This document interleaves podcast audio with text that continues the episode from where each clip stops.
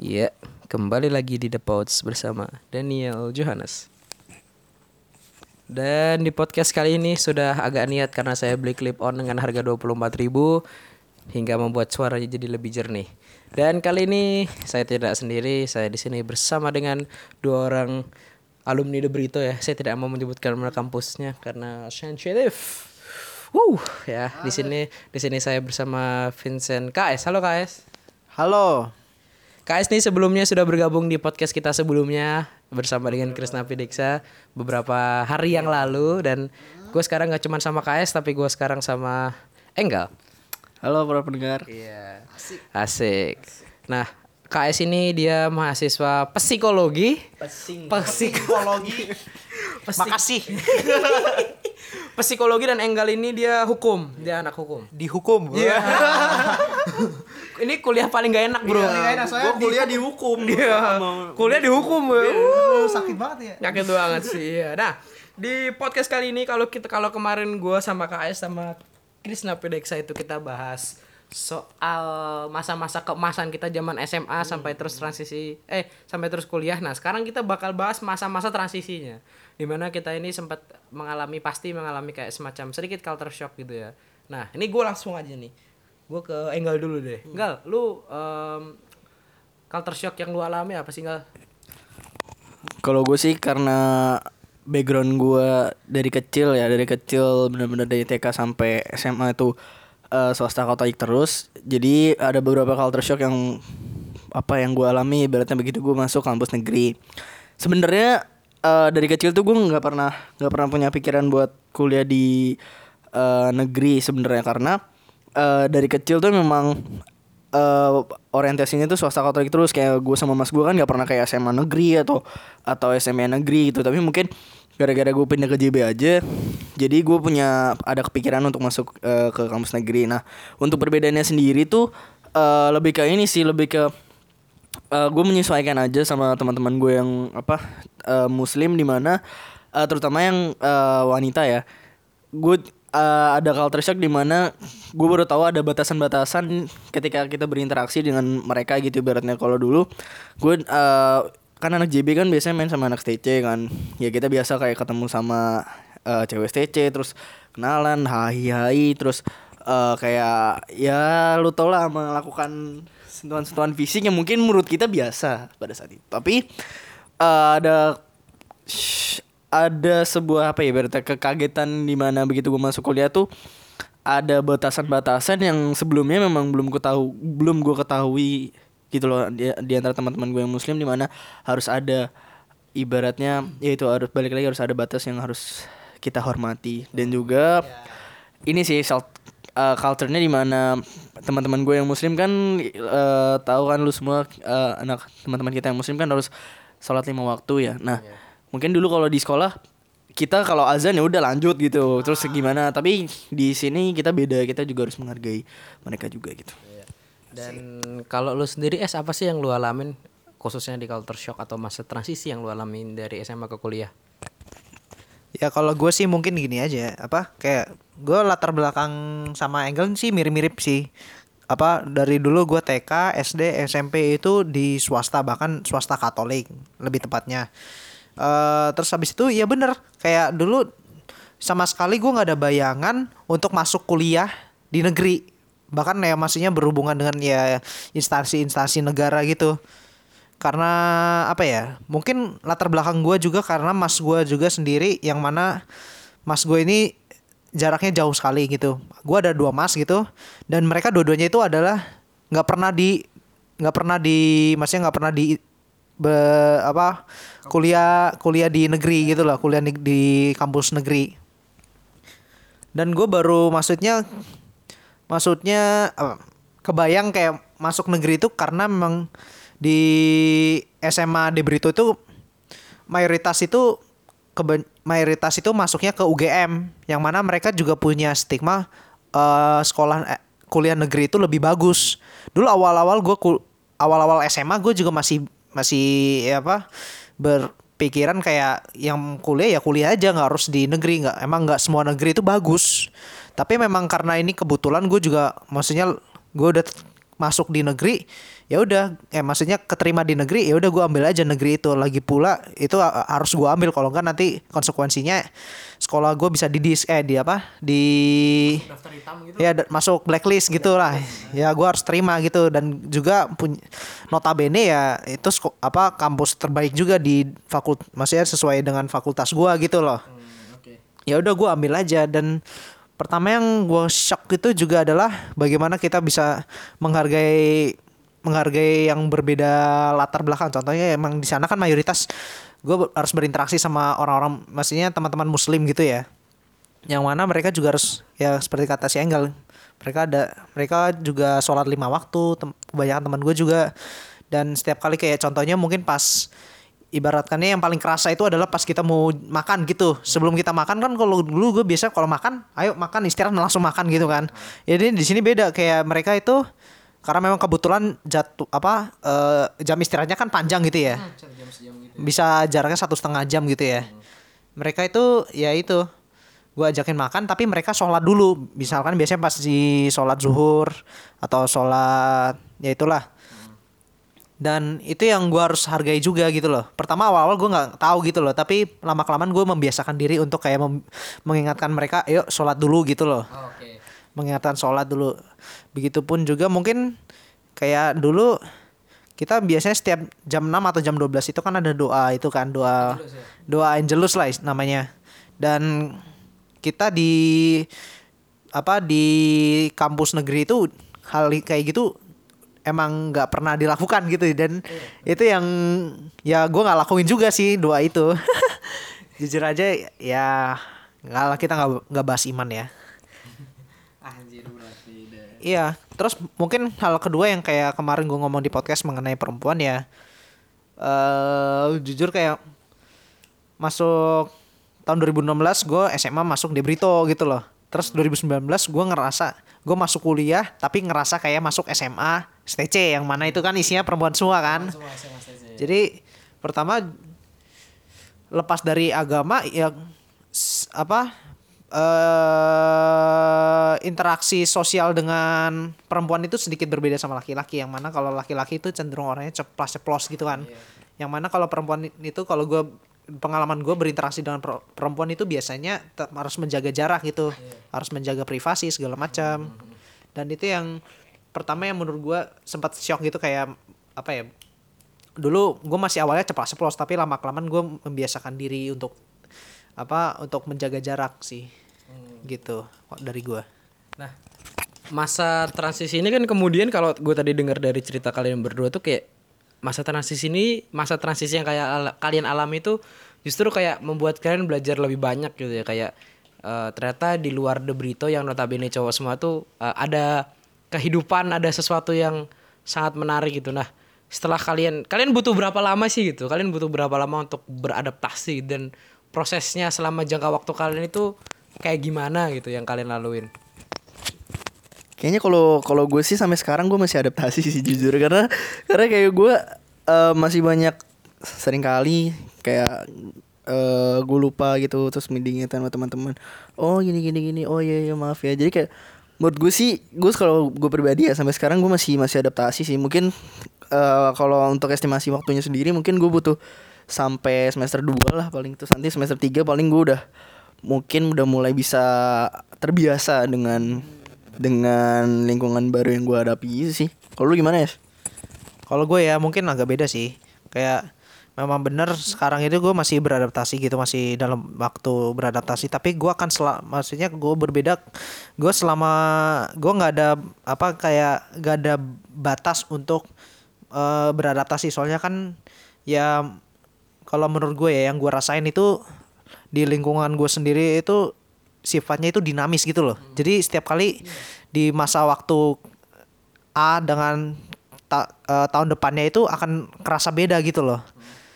Eh, jadi ya kalau gua ngerasain gua akan beradaptasi akan ya apa ya menyesuaikan apa yang di lingkungan itu gitu loh.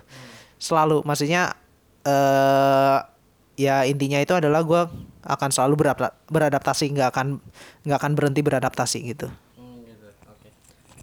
Ya ini ya, ibaratnya proses belajar itu kan tidak pernah selesai sampai kita mati ya. Jadi akan tetap ada terus adaptasi serta pembelajaran. Nah, kalau tadi kita udah ke lebih ke arah lingkungan sosial dan society-nya, kalau dari ini sih, mungkin dari lebih ke arah situasi kelas ya, karena kan pasti beda tuh ketika lo ngejalanin proses belajar mengajar zaman SMA dan kuliah. Kalau lu apa sih yang lu rasain nih perbedaan belajar mengajar lu waktu SMA dengan guru dan sekarang dengan dosen gitu? Siapa dulu nih? Enggal dulu ya? oh, Enggal dulu. Itu ya perbedaan gaya mengajar ya. Gue ngerasanya kayak kayak di sini tuh ini sih. Kayak dosen tuh terlalu mendewakan kita gitu loh. Kayak apa pengalaman gue pribadi sih kalau kalau di kelas tuh pasti dosen-dosennya bilang kayak gini. Kayak suka ngeremehin gitu. Udah lah ya guys, eh, ini pasti kalian bisa. Kalian kan core of, core of the core. Jadi core of the, core of the core tuh jadi kayak ibaratnya kalian tuh udah putra putri terbaik gitu loh, putra putri terbaik bangsa lah ibaratnya pilihannya. Jadi itu tuh kayak menuntut kita untuk untuk ya itu untuk mencari sendiri apa yang kita butuhkan dia sebenarnya kalau menurut gue sih ketika kita masuk kuliah kan kita membawa substansi yang pengen kita cari masing-masing kan. Jadi kalau perbedaannya kalau di di SMA dulu tuh kayak gue kayak dicak dicekokin aja gitu loh. Kalau A ya A gitu loh. Tapi kalau di kuliah ini tuh eh bukan ke hafalan teori tapi lebih ke pendapat sih kalau kalau A terus B C D-nya gimana gitu ibaratnya? Tapi bukan bukan mempertanyakan kalau A berarti B tapi A itu bisa B bisa C bisa D gitu. Jadi kayak kalau kalau di fakultas gue sih gitu sih. Jadi misalnya kita ada sebuah kasus gitu. Terus eh, bukannya kasus itu bisa diselesaikan dengan cara misalnya litigasi non litigasi terus bisa juga eh, melalui mediasi dan lain-lain. Tapi eh, kalau di SMA dulu kan kalau ini ya ini. Jadi eh, mungkin di situ agak kaget juga di mana kita harus mencari sendiri apa yang apa substansi yang ingin kita eh, cari sih berarti gitu kalau lu gimana ya Kalau gue ya mungkin sedikit berbeda sih sama eh, teman gue Enggal. Kalau gue sendiri bener-bener kita masih belajar di dasar gitu. Mungkin kalau dulu si Enggal ini malah lebih progres ya gitu ya. Kalau masa kuliah ya, ya. Kalau gue sendiri malah ngerasa kayak agak regres. Tapi mungkin ini ada tujuan juga. Kayak dulu kita kalau gue dulu SMA itu belajar kayak bagaimana kita mempelajari sering mempelajari kasus gitu loh. Mempelajari kasus terus kita eh, membahas gitu menganalisis dengan pemikiran kita sendiri terus kita maju diskusi gitulah intinya. Ada banyak diskusi. Kalau di sini eh, bener-bener di masa kuliah ini eh, dosen itu sebagai mediator gitu loh. Maksudnya mereka cuma sebagai eh maksudnya bukan mediator tapi lebih tepatnya fasilitator sorry maaf saya ganti ka- kata-kataku.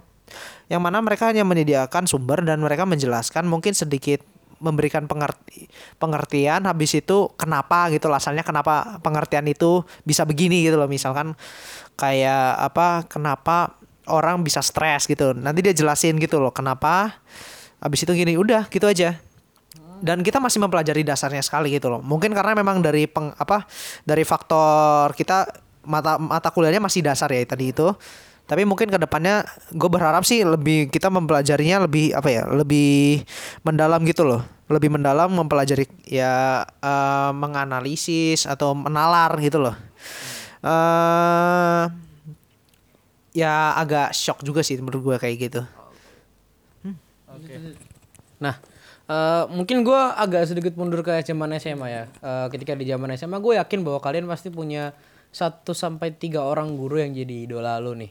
Nah, ada nggak sih kayak semacam eh, kata-kata, wejangan atau quotes gitu yang lu dapat pas zaman SMA dan ternyata itu relate gitu pas lu masuk ke kuliahan gitu. Entah misalnya dia beliau ngomong apa pas pas lu di kuliah kayak bener juga nih guru gua ngomong gitu. Nah lu ada nggak kayak gitu? Ah kalau lu gimana es Gua, gua ada dong kayak kemarin. Masih kata? yang mana Ini dari kata guru sejarah gua nih, pas kelas 12. Guru sejarah gua kelas wali kelas gua nih. Wah, pas banget. Jangan Pak Martin Pak Mar namanya Pak Martin dia. Pak Martin Respect. Respect, respect. Respect. Nah, Pak Martin ini sempat ngomong kayak kita sebagai anak di Brito jangan sampai eh, terjebak di dalam eh, payung payung nama besar di Brito doang. Gitu. Itu yang gue menjadi refleksi kayak apakah selama ini gue cuma ikut apa seneng jadi Debri itu karena cuma namanya doang? Ataukah memang gue seneng di dalamnya sendiri? Eh maksudnya dinamika di dalam Debri itu yang membuat gue senang dan itu yang memikirkan gue lagi. Karena gue selama ini gue cuma mikir bahwa gua seneng karena nama De Brito karena di apa di saung-saung sama orang-orang gitu loh. Weh anak De Brito ya pinter-pinter gini-gini alumninya bagus-bagus solid gitu ya. Dan itu yang gue mikir ya gue refleksi juga kayak apakah selama ini gue seperti gitu gitu loh. Dan juga di begitupun juga stigma-stigma yang pas gue baru masuk di Debrito bahwa Debrito itu bagus gitu kata-kata teman gue. Dan dia selalu menanyakan gue jadi sebagai apa sih ya gue jadi tempat tempat topik untuk bi- dibicarakan gitu loh. Dan karena mentang karena nama apa gue dari SMA di Brito gitu loh. Nah itu mungkin ya agak apa ya ya quotes itu yang bikin gue mikir-mikir lagi apalagi udah berinteraksi di masih udah di luar di Brito. Lu gimana gal? Apa lu kalau quotes lu? Kalau gue sih itu sih balik lagi ke apa tuh namanya pendidikan bebas dan ah, yang menurut gue yang guru yang paling ngerti bukan ngerti sih at least mereka dia dalam menyampaikan dalam menyampaikan materi tentang kebebasan sih menurut gue paling paling bagus Pak Didik sih. Wah, gitu sih. Menurut gue dia kayak ya kayak Pak Didik kita kan ya Gua tuh itu Respect semua. Respect semua. dia kayak dia tahu gitu loh maksudnya eh gue ceritain satu contoh aja deh misalnya kayak di kelas gitu kan Pak Didik selalu bilang daripada saya di sini cuma formalitas mending saya tinggal kamu kamu silakan berproses sendiri. Jadi kayak menurut gue kayak itu bener-bener bener-bener apa ya implementasi yang yang jelas sih menurut gue dari kebebasan itu loh. Jadi kita bisa untuk memilih kita kita tuh sebagai manusia tuh bebas untuk memilih apa yang kita mau tapi memang ada konsekuensi yang yang ibaratnya udah ada di bawah pilihan itu dan kita harus harus menyelesaikan konsekuensi itu. Jadi menurut gue wejangan-wejangan dari Pak Didik itu apa ya implement, implementasinya tuh jelas sih untuk untuk selama gue di masa kuliah ini. Dan kalau gue boleh eh, berpendapat secara gue sendiri ya, eh, mungkin kita tuh anak De Brito ya, mungkin nyari semuanya tuh kayak merasakan proses kuliahan tuh terjadi lebih cepat gitu. Jadi mungkin gini deh, yang paling gampang gini, mungkin anak-anak SMA lainnya atau sekolah menengah lainnya tuh jarang mendengarkan kalimat esensi, eksistensi, substansi, implementasi. kata-kata yang kata-kata ibaratnya yang berat gitu loh. Kata-kata berat. Itu gue kalau misalnya di kampus ya gue jarang sih kayak denger kata-kata yang berbobot ibaratnya dari dari dari anak-anak yang lain gitu. Tapi begitu eh teman-teman gue ngomong yang dari di Brito tuh terkesan sangat berat gitu loh. Karena kita memang sudah terbiasa dengan dengan apa substansi-substansi dan materi-materi yang disampaikan oleh para pendidik kita sih. Dia ya, gimana ya akhirnya kita juga kalau bisa diistilahkan ya memang kami melakukan pen- proses pendewasaan itu sedikit lebih cepat dan itu punya punya efek yang bagus sih di lingkungan gitu. Jadi gue punya eh, kasus lucu nih baru baru banget terjadi kemarin. Itu kan eh, posisinya gue lagi mau uas semester 1 ini kan. Nah terus eh, karena hujan gue kira pesen gokar. Nah gue ngobrol tuh sama gokarnya. Gue ngobrol-ngobrol-ngobrol-ngobrol-ngobrol gitu kan. Nah terus gue ditanya anak mana mas? Eh, anak F- FHUGM. Oh yang kemarin gini-gini gini ya. Terus akhirnya gue di situ bahas tentang eh, rancangan undang-undang dan eh, aksi mahasiswa yang yang beberapa bulan lalu di disampaikan kan. Nah, terus eh dia nanya ke gue kan dibilang gini, "Kamu semester berapa, Mas?" "Eh, aku semester 1. "Oh, dulu SMA di Jogja." "Iya, iya, iya, Pak." "Oh, pasti di Brito ya." "Oh, kok tahu, Pak?" Oh, itu itu bener-bener ini bukan rekayasa ya, guys. Terus terus gue tanya kan, "Kok tahu, Pak, anak di Brito?" "Iya, anak di Brito itu emang beda, emang beda. Mukanya bocah tapi tapi dari tutur katanya tuh menimbulkan kedewasaan. Gokil. Emang kalau kalau pengalaman gue sih kita memang kayak udah di- dipaksa untuk dewasa terlebih dahulu sih daripada anak-anak lainnya. Lu gimana, Es? eh jujur gue curhat aja gue ke gue kebalik dari di antara dua ini kayak mungkin ya gue malah gue mukanya kayak orang kayak om om tapi perilaku gue kayak anak-anak tapi bukan berarti kayak eh, berarti kan kalau kayak si siapa? Si Engel atau si Daniel membahas tentang bahasa-bahasa berat kayak menggunakan kal- kalimat apa kata-kata yang sedikit apa ya di luar eh yang sangat jarang yang jarang lah gitu ya substansi esensi segala macam. Jujur aku jujur gua sendiri gue itu nggak pintar dalam berbicara gitu loh. Gue nggak pintar dalam membuat-buat kata yang mana gue nggak akan menggunakan banyak kalimat-kalimat itu. Tapi yang benar-benar gue diajarkan di di Debrito adalah holistik bagaimana kita melihat apa melihat dari melihat peristiwa itu melihat dari segala sisi gitu loh. Jadi is- sifatnya itu menyeluruh gitu loh. Dengan menggunakan kata-kata gue kalau seandainya kita lagi berargumentasi sama teman-teman gue atau lagi diskusi tentang mungkin pas lagi kuliah gue menggunakan mbak apa ya ibaratkan kayak menyeluruh gitu loh. Jadi kayak gue menggunakan eh, menggunakan sumber-sumber atau dari pemikiran-pemikiran gua yang mana itu eh, menciptakan sebuah kalimat yang logis gitu loh dan sangat eh, reflektif. Nah, Duh kalau contohnya agak berat sih karena nanti terlalu panjang gitu loh. Wah sih. Kayak orang kayak bener teman-teman gue bilang kayak bukan teman gue kayak dia juga kaget kenapa kalau mungkin orang bisa mengambil dari sisi lu ngomong iya atau tidak tapi kalau gue mungkin berargumentasi antara gue pilih ya dan tidak gitu loh jadi karena gue emang kebiasaan untuk ngomong sangat holistik kayak melihat dari segala sisi. Gue pilih ini kons- benefitnya ini tapi konsekuensinya yang gue harus ambil ini ada, adalah ini. Dan itu yang gue memang apa ya sering gue yang gue pelajarin di saat masa SMA gitu loh. Oke, oke. karena diajarin untuk berefleksi. Ya, itu walaupun ternyata proses refleksi kami tuh hanya rajin di semester di kelas 1 dan kelas 2 pertama-tama ya gitu. Sa- saya sebagai anak Debrito juga mungkin punya argumen yang mungkin diapin, diamini oleh banyak orang khususnya seangkatan saya gitu ya. Kami itu hanya rajin refleksi di buku student handbook itu di semester 1, semester 2, kelas 1, semester pertama kelas 2. Nah, masuk masuk kelas 2 semester 2 tuh kayak motherfucker, what is this shit gitu kan. Dan kelas 3 akhirnya, hah? Hanya buku novel ya.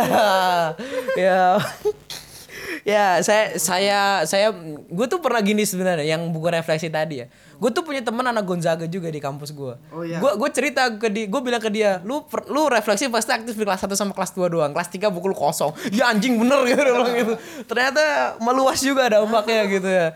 Aduh, gila gila gila. Aduh. Aduh lucu ya Iya, me- cerita kita ya memang koalisi itu kadang nyambung gitu kayak dari satu ke dari satu hal ke hal yang lain gitu. Nah, kalau ngomong-ngomong soal koalisi, kita bertiga ini kan memang memegang nama koalisi khususnya nama koalisi di Brito. Kalau tadi Enggal kan eh, dengan ceritanya kayak di di driver gokar tahu dia anak JB dengan segala kualitas segala macam. Nah, kalau lu berdua tuh lu ngerasa ngerasa lu punya beban gak sih atau lu justru malah terlalu jadi terlalu over proud gitu loh. Karena kan gimana ya? Karena kan lu berdua emang kuliah di Jogja dan nyaris semua orang tahu soal sekolah kita gitu. Lalu lu merasa beban, over proud atau justru kayak ya ini cuman cara doang buat gua untuk bereaksi gitu. Jadi kalau kalau gue sendiri ya eh, memang ada beban. Gini, jadi kalau pengalaman gue pribadi di fakultas nih, ketika misalnya gue ditanya nih, Gal, dulu SMA yang mana? Eh, terus gue jawab De Brito. Nah, ketika gue jawab De Brito itu nggak akan berhenti cuma kayak jawabannya kayak oh atau oh alah, nggak kayak gitu. Pasti kita kayak oh sekolah itu ya, oh yang ini ya, oh yang pendidikan bebas ya, oh yang kolesi ya, pasti kayak apa ya? Berarti kayak ada kelanjutannya gitu. Nah, itu tuh menurut gue menimbulkan beban tersendiri sih tapi bebannya dalam hal yang positif. Gue selalu menanamkan dalam diri gue tuh kayak gini. Gue tuh anak JB apa yang bisa gue lakuin lebih dari anak yang lain gitu gak sih? Jadi kayak kayak terus ibaratnya gini kalau misalnya gue biasa-biasa aja misalnya gue standar-standar aja terus apa yang membedakan gue sama anak lain gitu ibaratnya kan. Terus gue selalu nah nanamin mindset dalam diri gue gitu loh. Oke lah mungkin kita bukan yang terpintar. Kan gue dulu belum berkali-kali kan bukan mungkin kita bukan yang terpintar tapi dari segi sebagai orang sebagai manusia itu kan kita menurut gue sih udah apa ya udah dewasa terlebih dahulu gitu loh sebelum sebelum anak-anak lain. Jadi menurut gue gitu sih. Jadi kayak ada beban tapi bebannya itu positif. Jadi kayak eh, selalu ada eh, misalnya nih gue kayak lagi eh, santai-santai atau rebahan atau lagi males itu terus gue selalu berpikir gitu anjir gue ini anak JB gue harus melakukan apa gitu? Gue ibaratnya kayak eh, gue ini anak JB apa apa orang-orang nganggep gue tuh kayak gini? Masa masa gue nggak bisa memenuhi ekspektasi itu ibaratnya gitu. Kalau gue sih gitu. Kalau lu gimana ya gue jujur ya itu jadi ya tekanan sosialnya gitu kayak gimana caranya gue sebagai anak debrito harus lebih berkontribusi daripada yang lain gitu sih benar sih benar ya dulu gue jujur pengen melakukan itu karena demi ya itu yang kemarin gue sudah ngomong di podcast gue demi buat jaringan gitu loh. Yang mana gue sering be- apa ya awal-awal masuk itu pas lagi ospek kuliah itu juga gue banyak berinteraksi sama orang coba berkenalan dan bener-bener gue bisa mendapatkan nama di di apa ya di lingkungan psikologi di angkatan gue gitu loh. Orang banyak yang kenal gue oh ini orang yang sering muncul-muncul gitu loh karena memang gue saat itu sal- lebih memang lebih banyak berkontribu juga lumayan banyak berkontribusi gitu loh. Tapi nggak hanya gue eh terus lama kelamaan memang karena gue juga mengajukan diri sebagai babu ketua angkatan. Bawahannya ketua angkatan ada namanya De- dewa gitu ya. Dan eh, ekspektasi teman-teman gua yang satu angkatan ini dan mungkin dari angkatan lain juga bahwa gua harus lebih banyak kerja gitu loh, lebih banyak berkontribusi demi angkatan gua.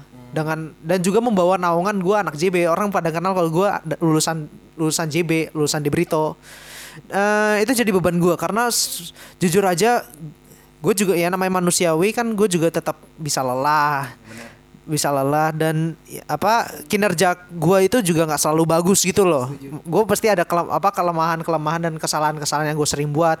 Terutama gue mungkin udah sempat kayak apa megang se- sebagai ketua atau segala macam. Dan itu gue juga mengakui gue banyak kesalahan dalam membuat sistem gitu loh. Orang juga udah banyak memandang gue anjir eh, lu sebagai dewa kok nggak pernah muncul-muncul karena terakhir-terakhir ini memang gue nggak begitu apa ya gue mencoba untuk memilah-milah gitu mana yang terbaik buat gue dan mana yang gue harus lakuin mana yang nggak butuh gitu loh. Eh masalahnya gue jadi karena semakin banyak memilah ya akhirnya yang gue pilah itu eh, yang gue dap maksudnya yang gue hasil pilahan itu juga nggak begitu banyak apa ya nggak begitu banyak aktivitas gitu loh nggak begitu banyak kontribusi yang akhirnya mereka mereka sudah menilai gue nggak begitu gue gue sebagai dewa itu nggak begitu banyak kerja gitu loh. Dan itu membebani gue nah makanya terakhir terakhir ini memang di kampus gue itu ada lagi ada acara internal. Gue sebenarnya harus jadi supervisor tapi gue tahu kalau supervisor itu bersama ketua angkatan gue juga itu nggak begitu banyak kerjaan gitu loh. Cuma kita cuma mengawasi gimana dari panitia inti kayak gimana. Dan nggak gue turun sebagai anggota jadi anggota panitia yang mana ini eh, panitianya ini tuh angkatan. Yang mana satu angkatan ini harus harus apa harus terlibat gitulah jadi anggota atau jadi panitia inti eh, apa aja. Karena gue nggak pingin jadi panitia inti kan. Karena gue memberikan kesempatan buat yang lain untuk bekerja. Gue dan gue menyerahkan diri itu sebagai ang- anggota panitia. Dan mana yang mana gini gue udah banyak bekerja gitu loh.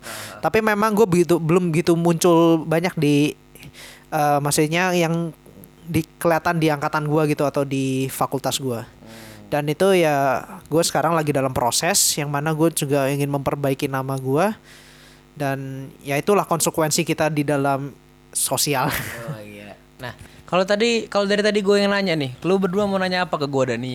Bebas dah. Siapa lu? Nah kan kita kebetulan nih ya gua sama Enggal ini kan sama nih kampusnya ya.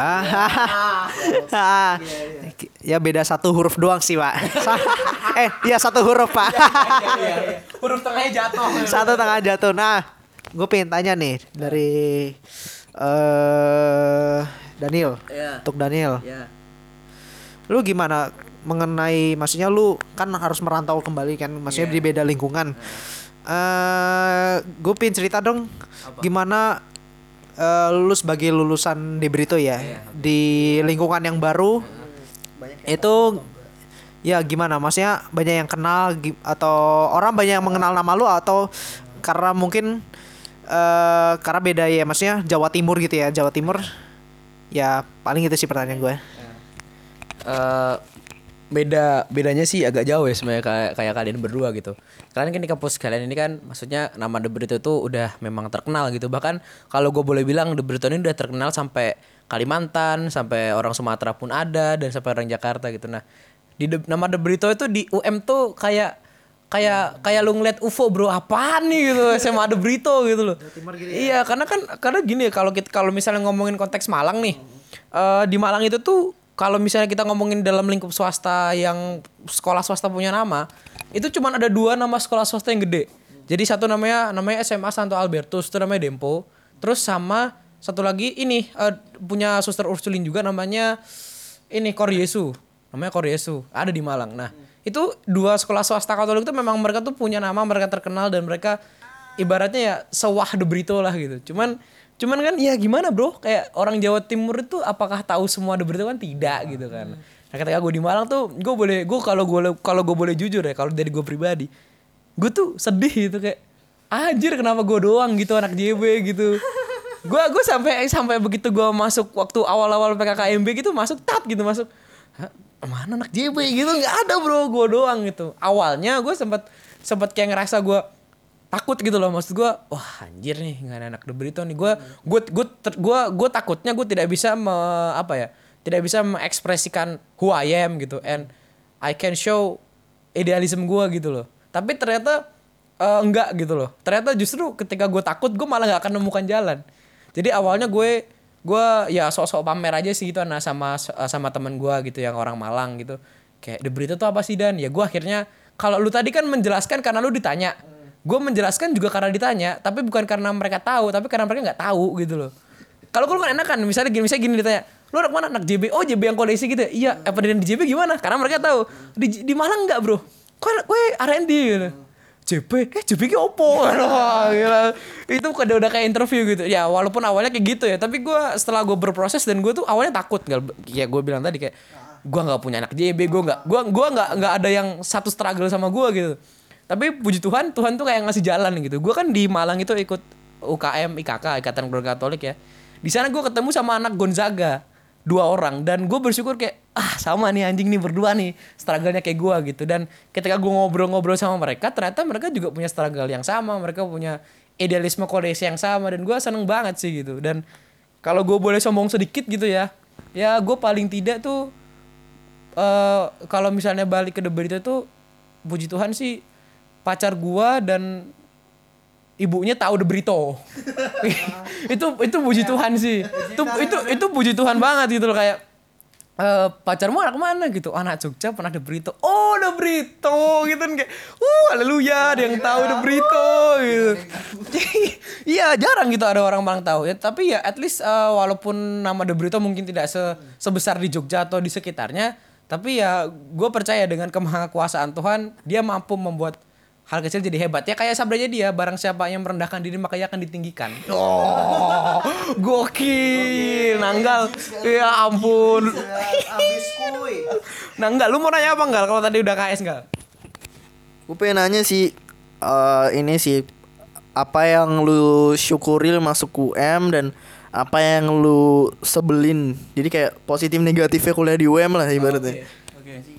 Positifnya gua gua mungkin kayak pengalaman-pengalaman kalian tadi ya. Pengalaman oh enggak pengalaman tadi. Pengalaman yang kayak anak kalian alami kayak transisi dari cowok semua ke cewek gitu. Gua plusnya adalah gua jadi makin makin tahu gitu loh. Maksudnya eh, gimana gua harus ber berinteraksi dengan orang lain caranya kayak gimana gitu. Karena secara gua kan jurusan kan pendidikan sosiologi ya ilmu sosial mau nggak mau gue bersosialisasi gue belajar karakteristik orang. Ya walaupun misalnya orang itu sangat menyebalkan dan bikin kita emosi tapi gue tetap plusnya di situ kayak oh ada nih orang kayak gini ada nih ternyata dinamika dinamika gitu. Terus gue puji Tuhannya yang itu tadi plusnya ya gue ketemu gue, gue dapat perspektif baru ketemu teman baru.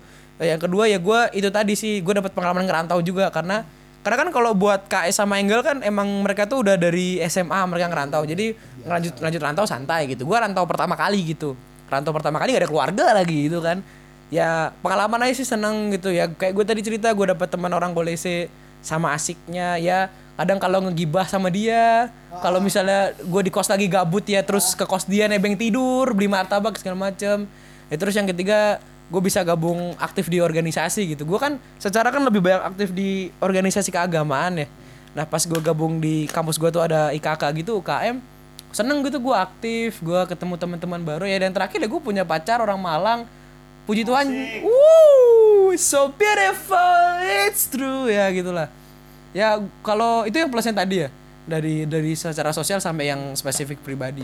Tapi kalau yang nggak enaknya ya kalau nggak enaknya di eh, kalau di kalau gue bicara dalam konteks lingkungan sosialnya di li- sekitaran UM itu nggak ada burjonan coy. Gue gue boleh bilang tuh secara budaya gue tuh sempat shock. Maksudnya i- iya nggak ada burjo bro. Jadi jadi gue begitu pertama kali ke Malang ya kan gue berpikir ya kalau lu cari burjo atau warmindo tuh di daerah Jogja Jawa Tengah Jakarta pun ada gitu loh. Pas gue ke Malang kenapa tidak ada gitu loh. Gue pernah tuh di satu waktu enggak waktu gue malam jam 9 itu jam 8 gue nggak bisa tidur kan gue kayak aduh pengen mie dok dok nih gitu. Keluar eh, gue udah keluar pintu kos cat gitu. Aduh nggak ada nggak ada ini lupa gitu loh. Sedih banget gitu. Jadi gue nggak bisa makan gue nggak nggak bisa nongkrong di warmindo. Ya walaupun walaupun di sana Magelangan itu namanya nasi mawut ya kan tetep tetep berasa bro maksud gue beda beda, beda. bro tetep beda gitu lah. Nggak enak gitu terus gue gue kehilangan ini sih gue kehilangan kalau di Malang tuh gue kehilangan circle yang yang kayak di Jogja sih yang kayak ya sama-sama anak JB kan kasarnya di Jogja lu nongkrong di mana? Ada anak JB gue pengen main ke mana? Gue punya temen nih. Gue bisa ke sana gitu. Terus yang terakhir sih yang enak itu jauh dari orang tua sih. Jauh dari orang tua yang kayak ya be- beda aja gitu kalau lu gabut di rumah sama di kos gitu kan. Kayak lu ya gabut di rumah nih ah enaknya ada nyokap gitu. Nyokap gue masak gitu misalnya Eh, ah nggak. Ya paling secapek-capeknya lu nyapuin rumah ngepel udah gitu doang kan. Ya lu di kos bingung coy gitu maksud gue lu gabut itu aduh pengen ke mana gitu tapi kok duit nggak ada pengen ngajak siapa tapi dia mager gitu ya kalau secara itu sih gue lingkungan sih sebenarnya yang gue kehilangan tapi at least gue bisa adaptasi sih dengan orang-orang sekitar ya asik sih gue boleh bilang Malang itu perantauan yang damai nyesel kan? Oh, gue nggak nyesel. Gue gua nggak nyesel kuliah di UM ya. Kayak tadi gue bilang gue aja bisa dapat pacar di sana. Wow. Aduh. Curhatan kita ini berdua nih belum nih, Enggal sama gua.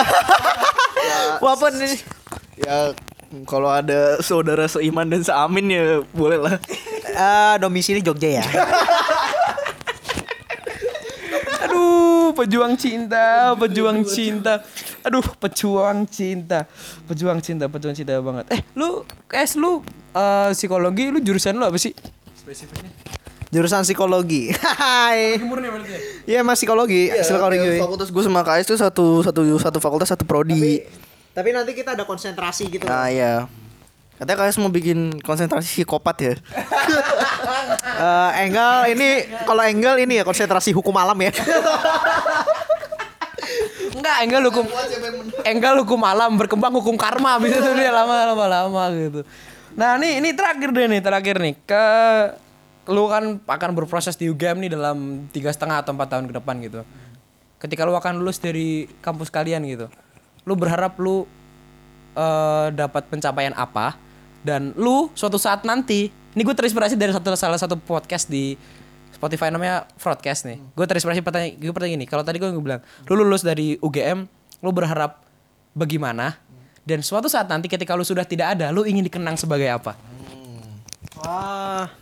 Legacy ya. Oke, mantap lah. Nih, yang intinya ya, yang ini ya, kalau orang bisa bi- biasa bilang ya penting gue kerja gitu kan. Gue mungkin masih belum begitu mengalami banyak apa ya masih maba.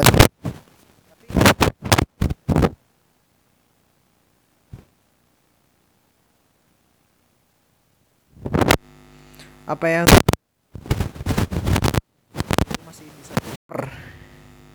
oh di sini gue punya power gitu loh. jadi tapi gue juga bisa apa ya istilahnya kalau dibilang untuk menyuruh nyuruh nggak. Tapi kayak gue tetap di mana suatu sisi gue nggak gue pengen punya ada eh, sifat kepemimpinan.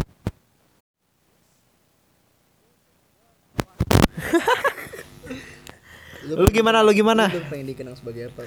Nah, nah kalau gue mati ya, kalau gue sendiri mati ya, gue bener-bener or, gue cuma nggak pingin kayak gue sebagai psikolog handal atau segala macam. Penting gue jelas gue bener-bener orang itu pernah mengenal gue, ya orang ini orangnya baik gitu loh. Oke, dikenal sebagai orang baik berarti. Orang baik ya, gitu aja, gampang, simple. Lah, lu gimana, Gal? Kalau gua eh gini ya. Terakhir kan ini.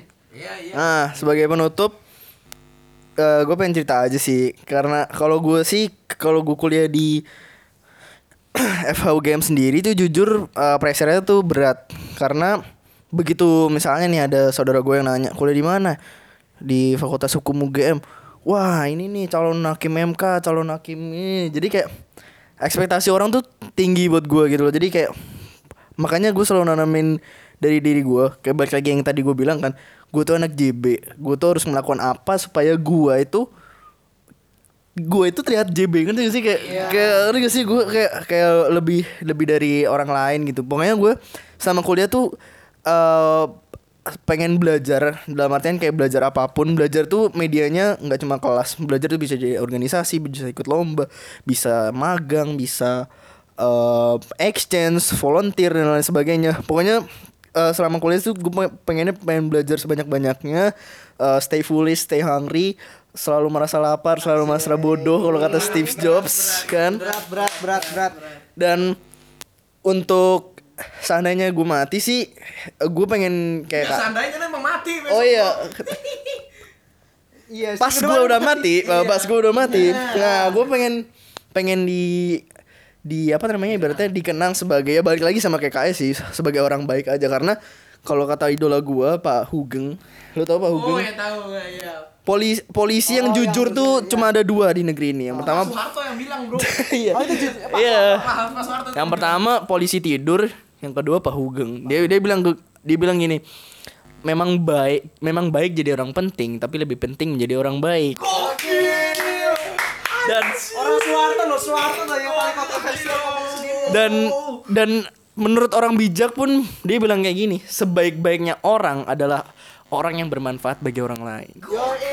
Jadi ibarat gini ibarat nih sama sama teman-teman gue nih eh gue lebih baik misalnya nih gue lebih baik dikenang kayak gue udah bantu mereka daripada gue dikenang wah ini dulu kepala apa atau dulu nih eh oh, jabatan apa? Kayak gue me- lebih mending dianggap kayak oh ini orang ini ngasih ini daripada oh ini dulu mantan ketua ini ketua ini gitu sih. Kayak menurut gue sih lebih lebih penting dia jadi, jadi orang baik daripada lebih baik jadi orang penting tetapi memang lebih penting jadi orang baik Oke ya. Akhir kata Enggal dan KS ingin menjadi orang baik yang berdaya guna untuk sesama. Luar biasa.